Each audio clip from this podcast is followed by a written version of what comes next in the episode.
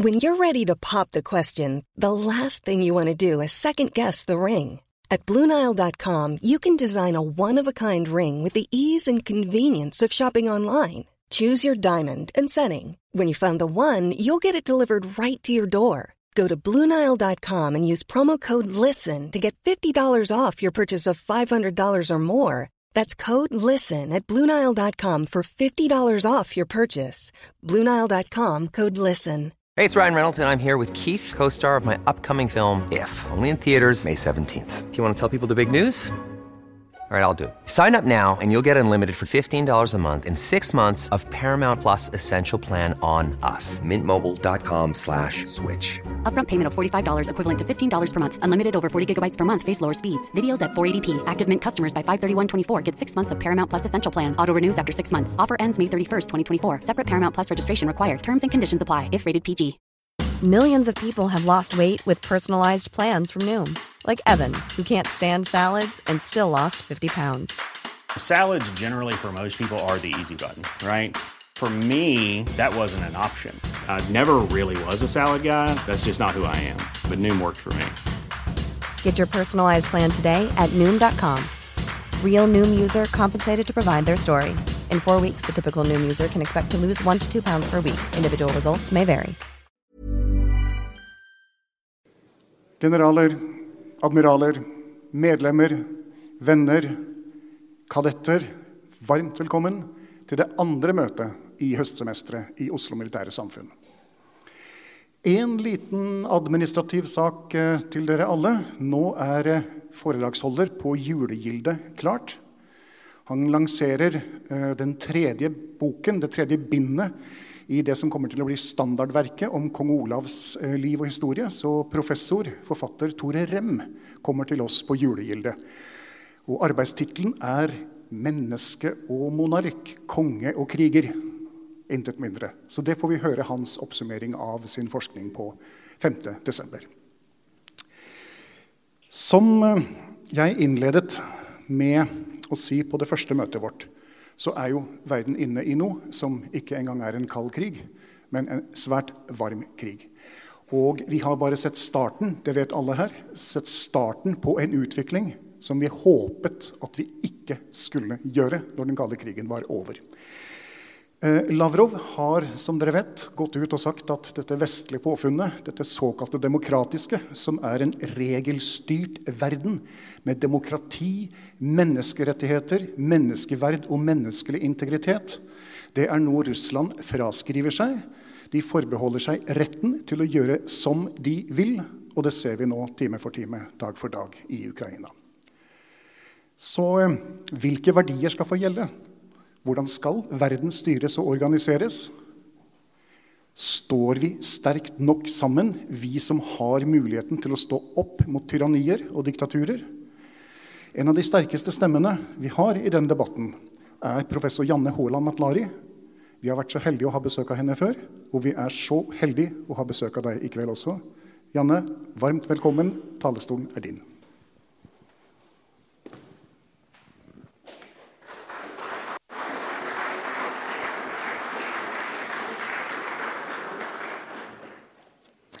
Ja, tusen takk.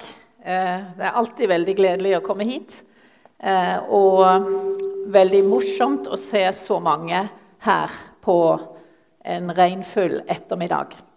Jeg skal prøve å analysere dette bildet. Lyden er litt høy, syns jeg, men kanskje dere hører bedre enn meg. da, At den skal passe for dere. Nå høres det bedre ut. Og jeg har tenkt å prøve å se på den allierte vestlige siden og også den strategiske interaksjonen eh, med den russiske siden. Eh, og dette er jo en eh, situasjon som Bjørn sier, som vi ikke trodde var mulig. Noen ganger så tenker jeg dette er som en veldig dårlig James Bond-film, hvor liksom skurkene er så skurkete, og hvor amerikanerne seiler inn og ordner opp, og hvor man har alle slags sånne bisarre ting som egentlig ikke er så troverdige. Derfor så er det en dårlig film. Eh, la meg begynne med det som er det store bildet, og det som står på spill. Og her tenker jeg at eh, Det store bildet er det som er det viktige for å se eh, hvorfor man bør være engasjert i denne problematikken. Eh, en kollega og venn av meg, Rob Johnson, han eh, har formulert disse fem c-ene, som han kaller det. Det er jo da selvfølgelig på engelsk, så det er, det er ikke det samme på norsk. Men dere ser bildet. Cooperation, samarbeid mellom stater. Det kan vi, og det gjør vi. Eh, særlig vi europeere samarbeider ekstremt mye. Til integrasjon, faktisk. Competition, konkurranse, det er jo også normalt mellom stater. Stater konkurrerer, og de har diplomatisk samarbeid, og det er normalen. Men eh, den tredje scenen, coercion, legger press på tvangsdiplomati. Det er vi ikke vant til. Selv om vi har en lang rekke sanksjoner bak oss, både som EU og eh, med FN-sanksjoner, så er det langt vanskeligere å legge press på, særlig press med militærmakt. Selv om eh, man ofte har gjort det mot, mot, mål som er mindre risikable for oss. Vi hadde jo Milosevic i 1999 eh, i Kosovo. Og det var et, en tvangsdiplomati som, eh, som, ikke virket, for han trodde ikke på trusselen da, fra Nato før det var for sent, før det ble et angrep. Så altså å legge press på gunboat diplomacy vanskelig. Så har vi da konfrontasjon, å være konfronterende. Der tenker jeg russerne er veldig dyktige. da. De har trent mye på å være konfronterende. Da jeg satt i Forsvarskommisjonen i 2015 og vi var i Moskva, så sa viseutenriksminister Kirov da han tok oss imot, så sa han ja. liksom Da tenker du han skal si noe hyggelig. Så sa han ja, jeg forstår jo at dere er redd for oss. Eh, det leser jeg i Aftenposten. Men jeg kan jo meddele at vi er ikke veldig redd for dere med deres fire bataljoner. Og Det var liksom sånn non-starter. Og vi ble sittende litt sånn som sånn, mehe, liksom, i stedet for å si noe spydig tilbake. da. Så vi matchet altså ikke den. Så konfrontatorisk opptreden mellom land det er vi ikke veldig vant til, selv om det egentlig er en del av normalt diplomati. Det er også med sticks and carrots. Du får eselet til å gå med en gulrot, et insentiv, men også med en pisk. Og så har vi konflikt, krig, armed conflict. Det hadde vi vel tenkt ikke gjelder Europa, kanskje på Balkan. Eh, mye i Maghreb, eh, nedover i Afrika, kanskje en del i Midtøsten, eh, men ikke i Europa. Og så er vi ikke vant til å prøve å på en måte kalibrere dette til eh, konfrontasjon med Russland, Kina, eventuelt samarbeid med Kina, vil jeg si, som er kanskje mer og mer realistisk. For øyeblikket er det jo ingen samarbeid å snakke om når det gjelder Russland. Og det det står om, da, det er dette vi hører til eh, si, hører hele tiden fra politikerne, fra eh, særlig amerikanske politikere og britiske, snakker jo ofte om 'the rules-based international order'. Og hvis du er skikkelig realist, som russerne eh, må regnes å være, så vil de jo si at ok, dette er jo noe som dere egentlig fant på eh, da amerikanerne var på sitt sterkeste, nemlig etter annen verdenskrig. Så FN og hele systemet er egentlig et uttrykk for eh, vestlig makt. Men det er en reduksjonisme, ikke sant? fordi vi har jo FN-pakten som alle FNs medlemsland eh, er forpliktet på, også Russland, tidligere Sovjetunionen. Eh, og Russland er jo nå avtaker til Sovjetunionen i Sikkerhetsrådet. Og det inneholder jo dette helt sentrale om at små land har suverenitet, de også. Det er ikke slik at du er et lydrike, at du er en bufferstat. Du har selvstendighet som impliserer selvvalg. Valg til å bestemme din vei. Og det er jo sjølråderetten på norsk. Den har vi jo eksersert i FN-sammenheng. Nei, jeg mener i EU-sammenheng et par ganger. Så ikke sant? suverenitet til å velge sin vei. Og det er klart I realitetenes verden så spiller jo makten en rolle. Samtidig så er jo hele poenget med FN-pakten da, at suverenitet også gjelder for mindre land uten mye militærmakt. Og i tillegg forbys angrepskrig for første gang i internasjonal rett. Eh, Folkeforbundet forsøkte å få noe lignende, men ikke et forbud, men en sånn voldgiftsdomstol eh, eller en sånn forhandlingspålegg eh, mellom stater som var på kollisjonskurs. Men det lykkes jo ikke å erstatte eh, krig med folkerett uten noen maktmidler. Og FNs sikkerhetsråd har jo da de liksom realpolitikken innebygget ved vetomakten. Men det står da i pakten veldig tydelig at angrepskrig er forbudt, og trusler om angrepskrig, altså legge en blokade rundt et land, eh, kjøre opp masse eh, soldater, sant? true et land militært, er heller ikke tillatt. Og så nevnes jo menneskerettighetene som et helt fundamentalt nytt eh, begrep i i eh, rettssammenheng at suverenitet, ja, men også fundamentale menneskerettigheter. Så en hersker, om det er en diktator, kan ikke gjøre som han eller hun vil med sine undersåtter. Og herfra kommer jo denne doktrinen om uh, 'responsibility to protect' etter hvert. Altså at uh, suvereniteten er begrenset uh, av menneskerettighetene. Og det er jo problemet for Kina det har jo vært problemet for alle kommunistiske land, og det er jo grunnen til at eh, FN-erklæringen ble, eh, ble, vedtatt eh, med avståelse i 1948 fra Sovjetunionen og satellittstaten i øst og Saudi-Arabia. Men vi har nå FN, og vi har disse eh, gjeldende da, hovedreglene. Det er the rules-based. Eh, man skal ikke løse ting med krig, men skal ha fredelig konfliktløsning. Og vi har dette i Helsinki. Eh, Final Act, altså denne Kesse-OSSE-prosessen som Russland var med i, som var liksom en sikkerhetsorden hvor Russland kunne være med. Vi har det på slutten av uh, Sovjetunionen, at uh, dette nye landet Russland da, skriver under på disse prinsippene jeg har nevnt i Charter Paris, som også er et OSSE-dokument og ikke minst for Ukraina, som da leverer tilbake 2400 kjernevåpen til Russland i 1994, får en garanti for sin suverenitet og territorielle integritet fra Storbritannia, fra USA og fra Russland i Budapest. Så her er det nok av papir som er underskrevet, med forpliktelser da, som in inkluderer Russland. Ok, Likevel så skjer altså dette vi ser nå. Og jeg tenker Min analyse skal være eh, risiko. Hvordan vil dette utvikle seg sannsynligvis eh, med hensyn til vestlige allierte her i Europa? Hvordan vil, vil, man se for seg dette? Og jeg tenker I øyeblikket så har vi altså en krig i Ukraina som kan eskalere.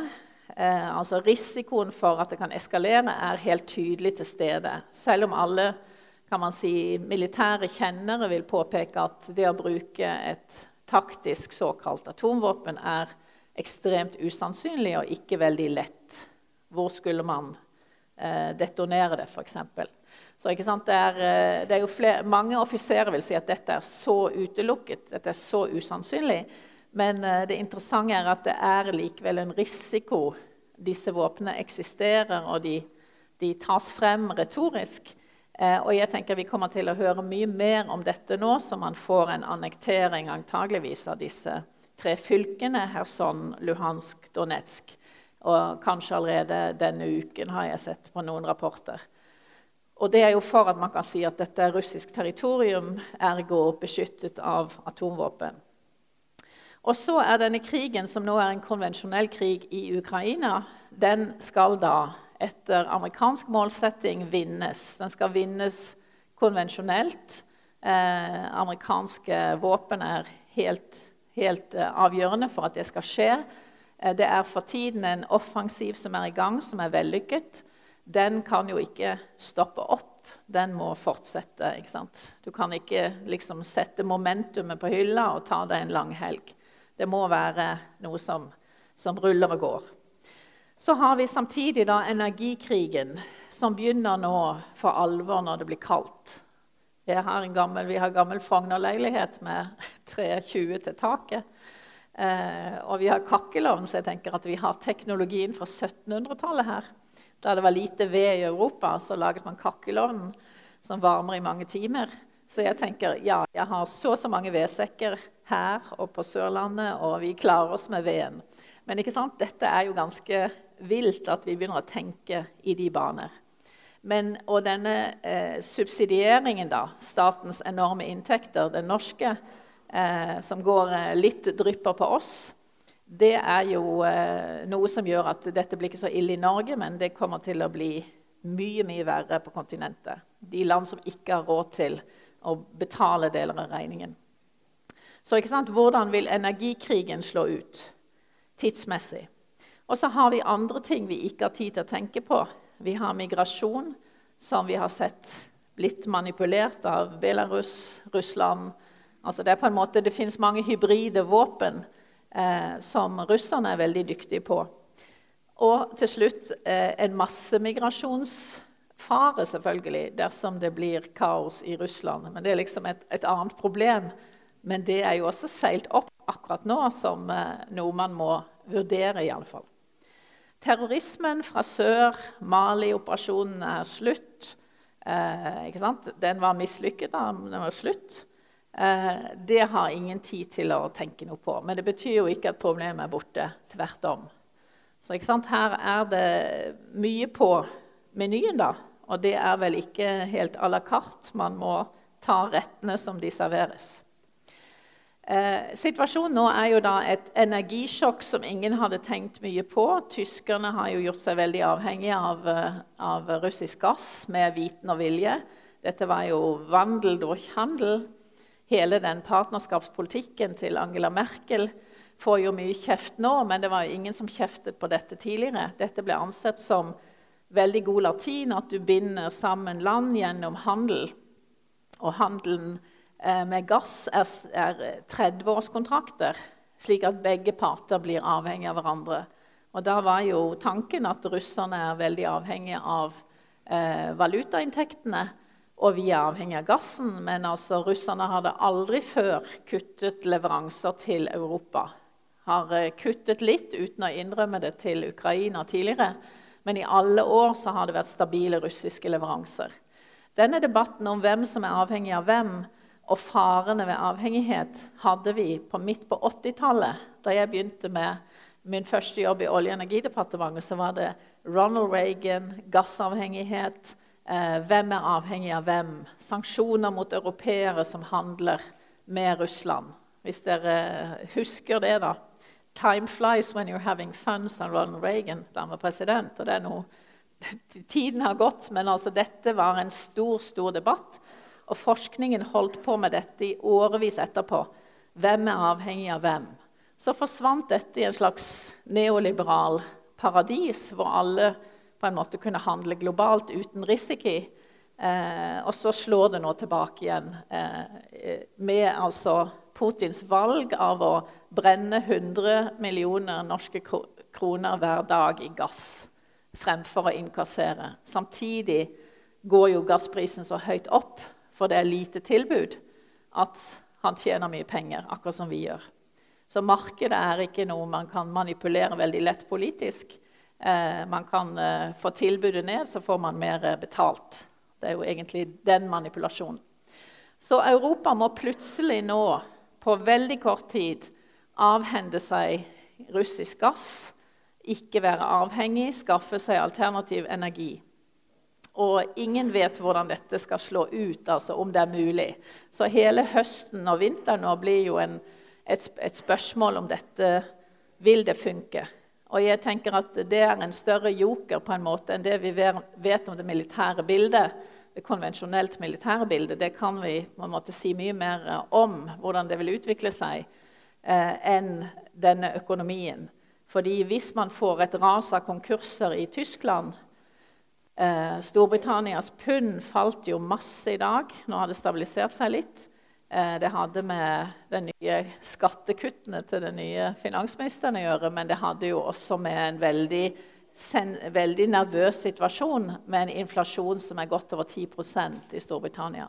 Så Storbritannia, som er den store europeiske støttestaten til USA i disse våpenleveransene, til Ukraina, har da kanskje ikke råd til det man har satt seg fore. Ok. Eh, hvordan kom vi hit?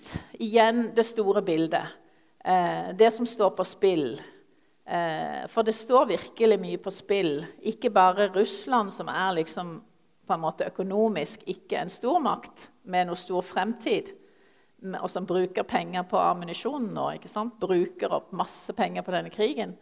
Men Kina, Kina den allierte for Russland, som sitter på gjerdet og kanskje er ganske fornøyd med at uh, russerne blir mer og mer klientstat for Kina, men ikke så mye at de gjør seg irrelevante. Uh, Kina har makt til å revidere. Dette er en revisjonisme man vil ikke ha disse reglene som du nevnte Lavrov, siterte Lavrov på. Og Lavrov, som flere i salen her har snakket med, kjenner til, han er jo ikke til å kjenne igjen. Men det er jo liksom eh, en overlevelsesstrategi å være his master's voice. Men det er ganske radikale endringer i det han kan komme til å si. Jeg husker denne talen i München. Da var jeg på konferansen 2007 i München. Og den kom som et sjokk. Putin så veldig frisk og uthvilt og mye yngre ut. Kom opp på talerstolen foran eh, alle disse amerikanske viktige personene og resten av Europa og holdt en tordentale som var så enormt konfronterende. Og det var USA som misbruker folkeretten, USA som eh, invaderer andre land, USA som ødelegger verden. Det var altså en, en, en, et, et utbrudd, egentlig. Så hadde vi også eh, anerkjennelsen av Kosovo som en ny stat, som var da eh, en, en, virkelig gefundenes fressen for Russland. Her er dere i Vesten, som ikke skal bruke militærmakt. Brukte den i Kosovo eh, og har nå lagd nye grenser gjennom bruk av militærmakt uten FN-mandat. Så Hvis man bare ser på de overfladiske elementene der, så ser det ille ut. Eh, så ikke sant, her var noe som kunne brukes. Og så hadde vi jo i 2003 hatt eh, eh, dette eh, Irak-krigen, eh, som var på feil etterretningsgrunnlag. Og så fikk vi da denne voldsomme, lettsindige vil jeg si, utvidelsestilbudet til Ukraina og Georgia om Nato-medlemskap i april 2008. Og Det var president Bush som pushet det. Europeerne var skeptiske til det med god grunn. Og rekylen var da et, eh, et eh, mindre angrep på Georgia. Disse to republikkene, eller enklavene, som er under russisk kontroll den dag i dag. Abkhasia, Sør-Ossetia. Eh, sånn at dette var jo på en måte fra russisk side eh, vellykket. Man stoppet Nato-utvidelsen. Eh, russerne var også aktive med militærmakt i Syria og hadde suksess kan man si, med det. Altså Clausewitz' politiske innflytelse gjennom militærmaktbruk fikk man til også der. Eh, og så kom Krim-annekteringen, som var et mesterstykke i kan man si, militærkunst. Eh, selv om det var høyst ulovlig å sende inn soldater uten, uten eh, flagg på skulderen, så var det jo en en rask overtagelse av eh, Krim uten et skudd som ble fyrt, avfyrt. Overraskelsesmomentet var russisk. Gjennomføringen var kjemperask. Et fait accompli. Eh, resultatet var et vestlig brøl eh, av protest og sanksjoner. Men likevel så var det på en måte noe som måtte regnes med, og noe man kunne leve med. da. Så man kan si at uh, det er jo en logikk i dag at i 2022 så tenker Putin at eh, nå har jeg oppnådd ganske mye med militærmakten som disse europeerne da ikke bruker for å oppnå politiske mål. De har ikke sansen for Clausewitz lenger. Men jeg har det. Jeg oppnår ting gjennom hard makt. Hjemme, hvor jeg har hele mitt maktapparat er basert på fysisk makt sikkerhetsstyrkene, og ute. Eh, hard makt gir resultater. Så jeg skrev en bok da om Vesten-reaksjonene på 2015, og den heter 'Hard Power in Hard Times'. Can Europe act strategically? Og det jeg fant da, var jo at USA tok ledelsen og reagerte. Eh, mens eh, britene da var opptatt med brexit og Camerons gjenvalg i motsatt rekkefølge. Frankrike og var Hollande som bar kofferten for Merkel i Minsk-forhandlingene. Og det ble da en sånn forhandlet løsning, da, som egentlig var en våpenhvile fremfor en løsning. Og det var det Vesten engasjerte seg i når det gjaldt annekteringen av Krim. Så man kan ikke egentlig kritisere Putin for å tro eh, at han ikke skulle lykkes i neste runde. da. Samtidig kan man si at for europeerne var jo dette Eller for Vesten var ikke dette stort nok og viktig nok til å risikere mye for. Det var på en måte en adekvat reaksjon fordi det var en begrenset annektering. Men prinsippet var jo det samme som nå, at man bruker militærmakt for å sikre seg nytt territorium.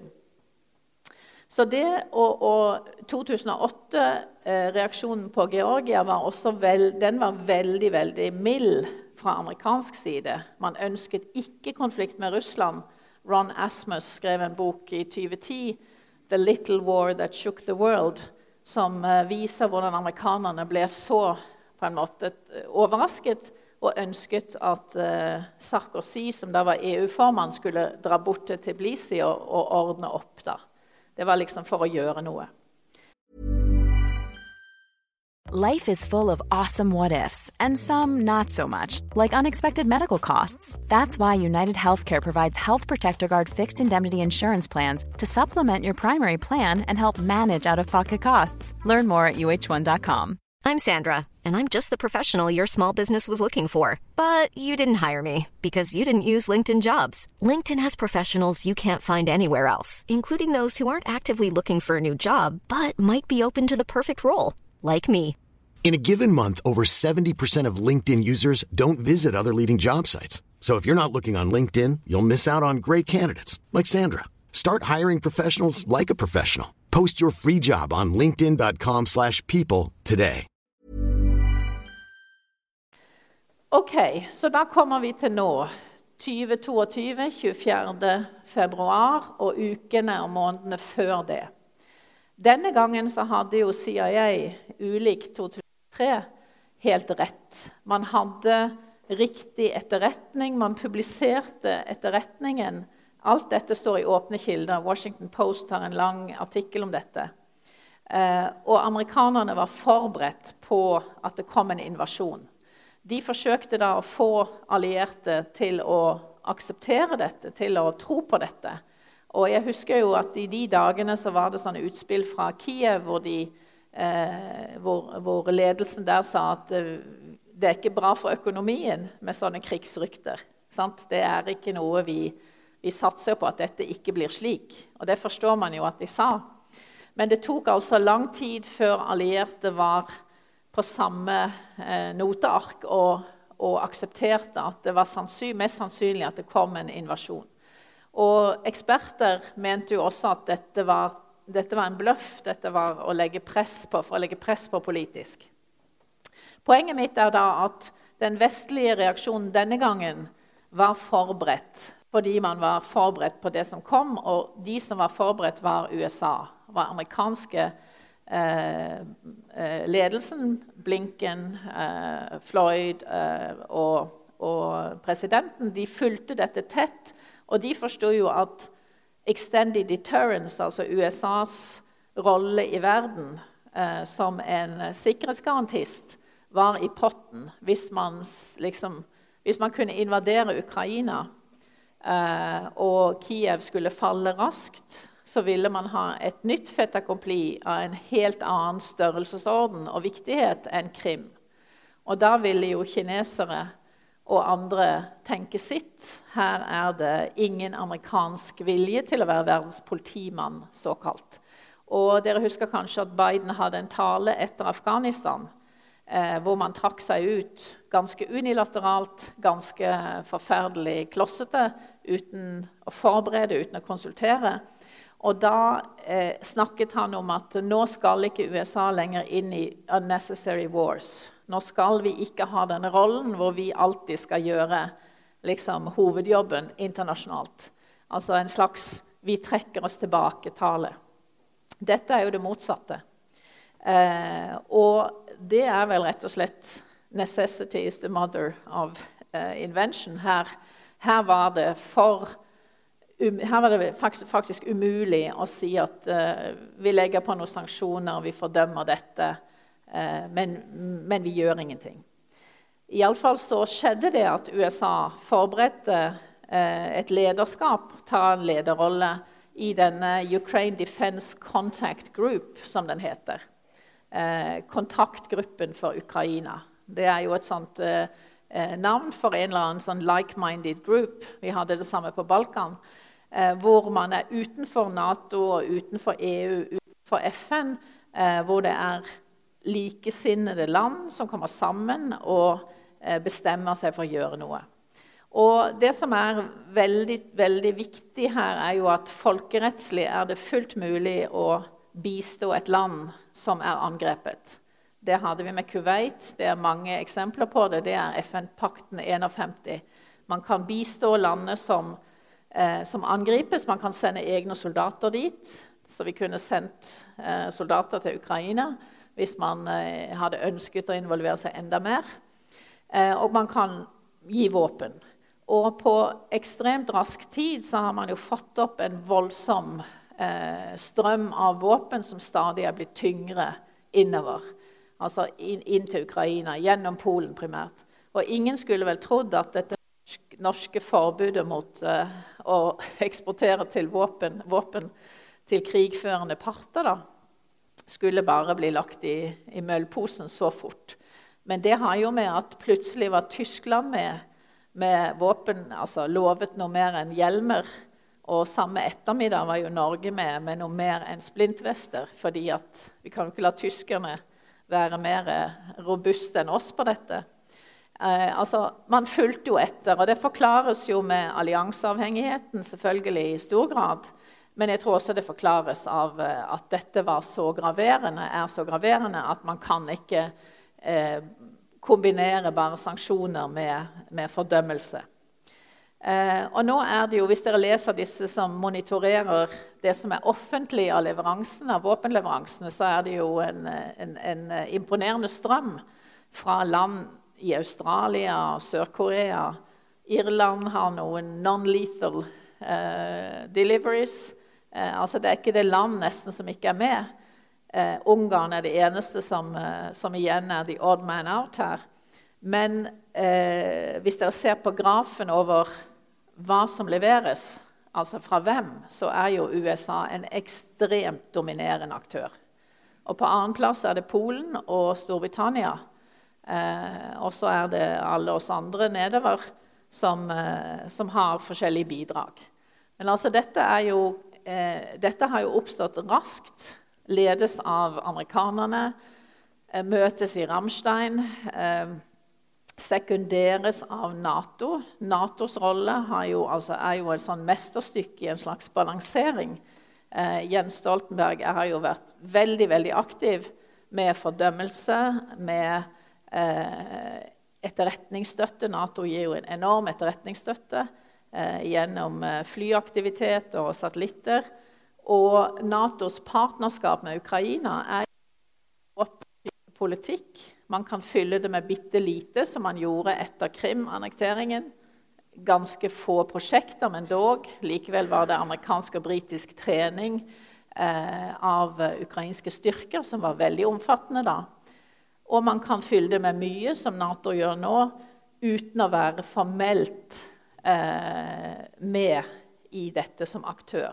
Så det er en sånn bad cop, good cop, komplementaritet i dette, som vi ser også ofte i EU-sammenheng når det gjelder andre politikkområder. Noen land går foran, bestemmer seg for å gjøre ting. Samtidig så er man forankret og samarbeider med EU.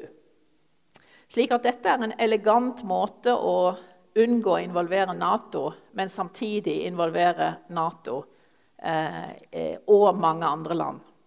Så det er altså USA som leder dette. Og det vi ser i felt, altså i krigens, eh, krigens gang etter seks måneder, er jo som alle dere vet, eh, en fremgang som er en funksjon av eh, amerikanske våpen eller vestlige våpen.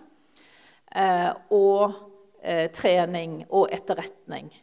Eh, samtidig som det er en industriell krig med stort, stort forbruk av ammunisjon og eh, trenger reservedeler osv. Så, videre. så det er jo en slags konkurranse om hvem som når kulminasjonspunktet når det gjelder eh, industri, industrien. da. Hvem kan levere nok? Det er det ene, og det er jo som i annen verdenskrig USA. Det andre er jo eh, Har man trening til å være smart? Kan man, eh, kan man omringe, kan man overraske, kan man komme på offensiven? Kan man gjøre det som ukrainske styrker med, med sin oppdragstaktikk kan, og som russiske styrker i mye mindre grad er villig til eller trent til. Slik at her er det både vilje, motivasjon og eh, trening som spiller en rolle, pluss da eh, the hardware. Eh, men selvfølgelig, i strategien så er det jo en mot, mottiltak. Det er ikke slik at det er veldig farlig tror jeg, å begynne å si at ja, nå vinner ukrainerne, nå går det så greit, nå er det bare liksom, halleluja fremover. Russerne har jo ingen ja, russerne, Putins eh, på en måte, eh, Putin og hans entourage har jo ingen intensjon om å gi seg. Det ser vi jo nå med de siste dagers eh, mobilisering og folkeavstemning og rasling med atomvåpen. Så eh, Det ville være helt atypisk om Putin nå sa til seg selv at ja, dette går så dårlig. Nå prøver vi å finne en, en, en løsning på dette, en avtale eller noe slikt. Så vi vet jo ikke hvordan dette vil utvikle seg videre. Eh, og da er det jo den militære krigen og energikrigen og økonomikrigen som er ute samtidig. Og det kan jo være at eh, folkemeningen i vestlige land vil, vil endres. Eh, hvem, hvem eh, si, holder ut lenge, lengst? Hvem er villig til å engasjere seg nok? Ukrainerne har jo en eksistensiell krig, så de oppfører seg jo forbilledlig med sin patriotisme og sin kampvilje. Eh, Vesten har jo en på en måte ikke en eksistensiell krig, men det er noe som står på spill, som står mye mer på spill nå enn det gjorde i Krim, for Krim eller eh, i Georgia. Eh, og for russerne så kan det jo være den, den indre krise eller makten. Kan en diktator, en autokrat, beholde makten eh, og tape en krig? Eh, selv om man kan doktorere narrativet i veldig stor grad. Så det er mange ukjente her. Hvem, eh, hvem rammer hvem økonomisk? Eh, det er en stor studie fra Yale University. IMF har også skrevet om dette, hvor man, hvor man, viser hvordan sanksjonene rammer Russland, russere, kjøpekraft eh, osv. Eh, samtidig så er jo motsanksjonene mot oss gasskuttet i gass. Eh, Russland taper jo mye penger, samtidig så øker prisen på gass. Eh, og det er jo helt uklart hvordan dette vil slå ut. Klarer vi, å, klarer vi oss uten russisk gass med en kanskje økonomisk nullvekst eller litt vekst, eller blir det eh, veldig mye verre, da? Hvordan vil markedene reagere. Og det er jo sånn at Når noen reagerer, så forsterkes dette. Eh, så dette med den økonomiske, hvordan dette vil slå inn eh, i Europa spesielt, det, det, tror jeg er den største usikkerhetsfaktoren akkurat nå.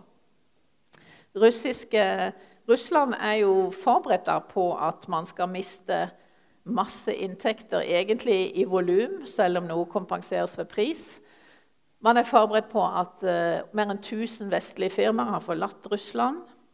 Oligarker de flykter, de som protesterer, de mange som faller utfor trapper og vinduer. Uh, så det er altså ganske vanvittige tilstander. Uh, men det er noe med at dette er kanskje ikke så abnormalt i et tøft regime som det russiske og at folk er vant til å måtte finne seg i, i alt mulig. Eh, på, på, lang sikt så er jo disse økonomiske isolasjonene av Russland nødvendigvis eh, virkelig skadelig. Dette er jo disse sanksjonene vil jo ikke løftes, vil jo ikke endres eh, over natten. De er jo der for det lange løp. Og det er jo ingen fra Vesten som nå vil våge å satse på russisk gass for sin eh, økonomi og oppvarming. Slik at man, Russerne har jo ødelagt gassmarkedet i Europa for godt, vil jeg si. Men så mye er da tydeligvis man villig til å satse fra russisk side på dette. Og jeg tenker også disse evige debattene om rasjonalitet. Jeg vil ikke gå inn i de, men man kunne jo si da at er det ikke rimelig at før krigen hadde Russland kontroll med Ukraina i veldig stor grad. Ukraina kunne ikke bli i Nato eller EU fordi man hadde grensekonflikter som var pågående. Krigføringen i Donbas, Krim. Sammen med Georgia. Så man hadde da fra russisk side sikret seg dette hånda på rattet når det gjaldt vestvendingen. Samtidig så kunne jo ikke dette på en måte kontrollere ønsket om demokrati. At uh, Ukraina kanskje ble en, et, et, eksempel på demokrati i, midt i Europa. Men likevel så var det jo nok kontroll allerede da til å stoppe vestvendingen og, og når det gjaldt uh, organisasjoner. Og man kan også si at Da fikk man også store gassinntekter. Kunne skru opp forholdet til Vesten. Altså Vesten ønsket jo 'reset with Russia'. ønsket jo, Det var jo eh, tidligere med Obama, men man ønsket jo hele tiden en slags forhandlingsløsning av problemer, ikke konfrontasjon. Og Før denne krigen så hadde jo Putin eh, stor suksess egentlig med bruk av militærmakt. Eh, og dette vil jo jeg si logisk kunne anspore til denne Hvorfor ikke prøve big price, eh, som Ukraina var? Jeg vet ikke hvorfor man prøvde med altfor lite soldater, altfor lite planlegging og øving. Eh, men det kan jo også bero på at etterretningen rapporterte det man ønsket å høre oppover. Ok, På amerikansk side var det jo da, som jeg sa, extended deterrence og alt dette her. Rules-based order. Mye står på spill. Og opportunity knocks. Altså, når får du denne anledningen igjen til å svekke Russland konvensjonelt i Ukraina uten å være med direkte i krigen, etter en strategisk feil som denne angrepet på Kiev da viste seg å være? Ikke sant? Altså, her er det jo en, en, krigerlogikk vil jo si at her er det en mulighet som ikke kommer igjen. Vi må utnytte den. Eh, og jeg tenker at Logikken her er at nå må man fortsette med dette for fullt og prøve å beholde momentum. Eh, være offensiv. Eh, og jeg så i dag at eh, det er angrep på disse her eh, folkeavstemningsfylkene.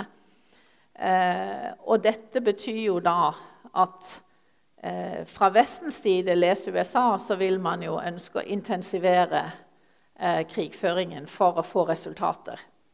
For hvis man stopper nå, så er det jo et status quo pluss nye områder som da vil bli på en måte avtalt i en avtale som kanskje ikke vil bety noen ting når det kommer til stykket. Så det er jo egentlig veldig spesielt da at Vesten er nå engasjert i en våpenleveranse til et land hvor vår uttalte ønske er at de skal vinne militært og kjøre på, at militærmakten skal faktisk bestemme det politiske utfallet. Og jeg tenker at da den russiske planleggingen her er da eh, en utmattende krig som tar lang, lang tid, hvor man fryser mer og mer i Europa eh, hvor atomtrusselen kan brukes Jeg vet ikke hvor mange ganger man kan bruke den retorisk da, uten at det mister effekt. Men det er klart at eh, befolkninger i Vest-Europa, særlig i Tyskland, jo, blir jo skremt av å bli truet. Altså det, man hadde jo ikke truet med atomvåpen hvis ikke det hadde en viss politisk effekt. Så det er en sånn paradoks her, da. At eh, disse våpnene som man ikke skal bruke, de har likevel en politisk uttelling. Og så denne russiske devisen om at kvantitet er en kvalitet. Det finnes jo veldig mange stakkarer som kan tvinges ut i denne krigen. Det ser vi jo hele tiden. Spiller ingen rolle om de er totalt utrente, de har ingen rettigheter, de er kanonføde, de sendes av sted. Eh, og hvis nå grensene lukkes for alle menn i, eh, i eh, mobiliserbar alder, så er det jo enorme mengder man kan trekke på. Og hva det spiller ut i Russland Så lenge man har fysisk kontroll, så har man fysisk kontroll. Og da er vel tesen at utmattende krigføring, ubehagelig, eh, det vil splitte Vesten til slutt. Da mister man interessen for dette. Eh, så det er kanskje altså, hva, kan, hva, vi kan anta. Vi vil ha et raskt resultat i Ukraina. Russerne vil trekke det ut. Eh, hva med den allierte enheten? Er den så viktig? Eh, altså det er tydelig, helt, helt overtydelig at USA er den avgjørende aktøren. Det er USA som har leveransene, som hadde planen, som leder det hele, har kapasiteten Det er ting som tyder på uenighet i amerikansk politikk om dette. Det er vel kanskje det eneste området hvor det ikke er en polarisering i USA. Economists siste nummer var disunited, 'The Disunited States of America'. Ikke sant? At det er en polarisering som er helt enormt eh, enorm. Men på dette området er det eh, enighet. Iallfall så lenge For øyeblikket, iallfall. Men det er ingenting nå som tyder på at man er uenig om dette. Eh, så det er jo et veldig pluss. USA står der som den ledende aktør. Stadig nye penger, stadig nye våpen, stadig eh, på en måte kontinuitet. Storbritannia er jo den nærmeste til USA og har jo voldsomme ambisjoner om å øke eh, BNP-andelen til forsvar.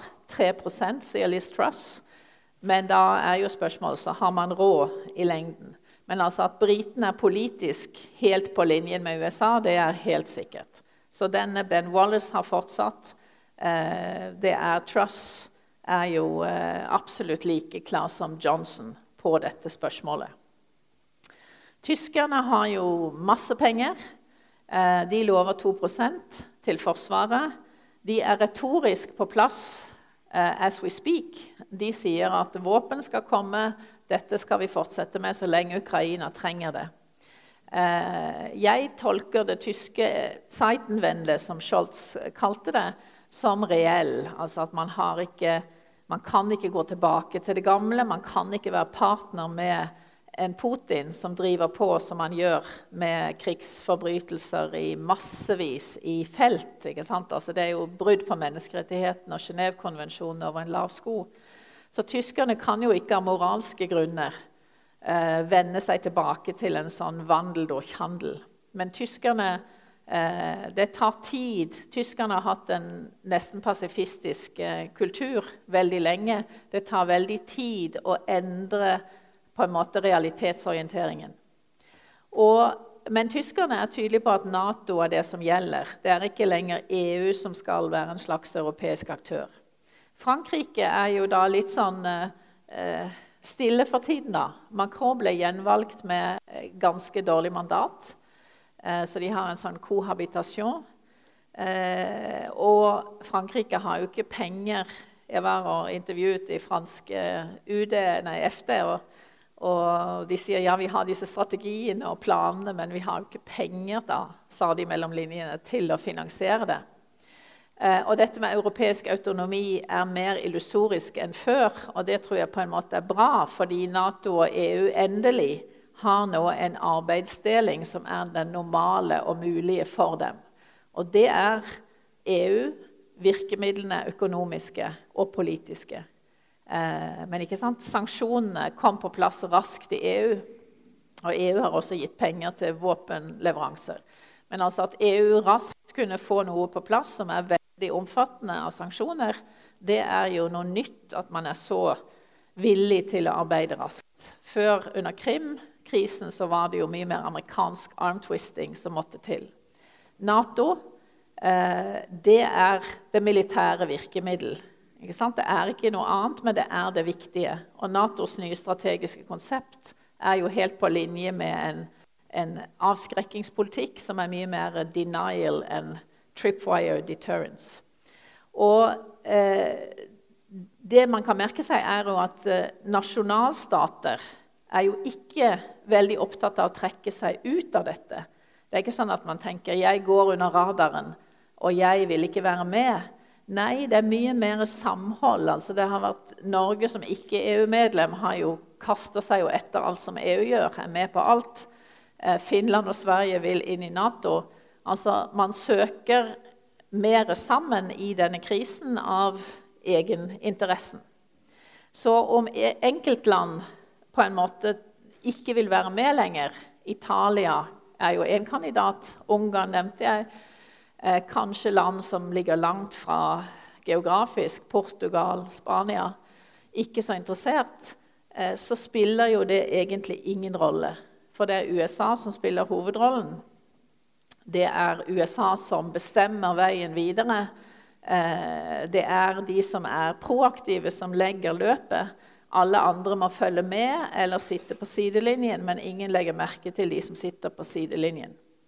Og man kan ikke gjenoppta den gamle politikken. Det er jo en radikal endring fra partnerskap, diplomati, eh, på en måte en eller annen form for samarbeid, til konfrontasjon. Altså Det er ingen vei tilbake til Putin som partner.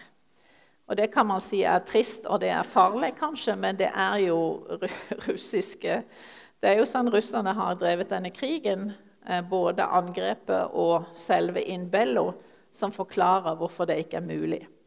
Så helt til slutt eh, På vestlig side så eh, er man på en måte dømt til å holde sammen. Om man ikke lykkes, så må man holde sammen. Men det som mangler, er jo da det man kan si er the ends. Hva er formålet? Altså, hva er slutt? Hva skal man oppnå? Eh, I en strategi så har vi jo virkemidler og vi har virkemåter, men vi har jo først og fremst en målsetting. Og hva er den? Ikke sant? Hva skal man oppnå? Er Ukraina minus Krim akseptabelt? Er Ukraina minus Luhansk, Donetsk og Krim akseptabelt? Er Ukraina uten en eneste russisk soldat eh, akseptabelt? Hva er eh, Ukraina? Skal Ukraina være i vår sikkerhets... Altså skal man kjempe i Ukraina uten at Ukraina skal inn i Nato og EU etter hvert? Er det tenkelig? Altså Alle spørsmålene om end state er udiskutert og uløst. Ingen vet. Så det var det jeg hadde å si. Eh, jeg tenker at eh, man må være forberedt på en, en lang konfrontasjon. Eh, men vi hadde jo også en lang konfrontasjon i 40 år da, i den kalde krigen. Og det endte jo med at Sovjetunionen falt sammen.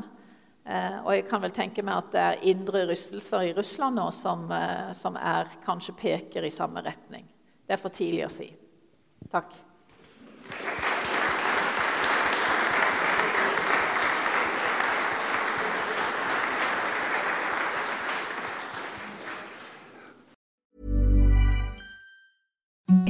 Imagine the softest sheets you've ever felt. Now imagine them getting even softer over time. That's what you'll feel with Bowl and Branch's organic cotton sheets. In a recent customer survey, 96% replied that Bowl and Branch sheets get softer with every wash. Start getting your best night's sleep in these sheets that get softer and softer for years to come. Try their sheets with a 30-night guarantee. Plus, get 15% off your first order at bowlandbranch.com. Code BUTTERY. Exclusions apply. See site for details.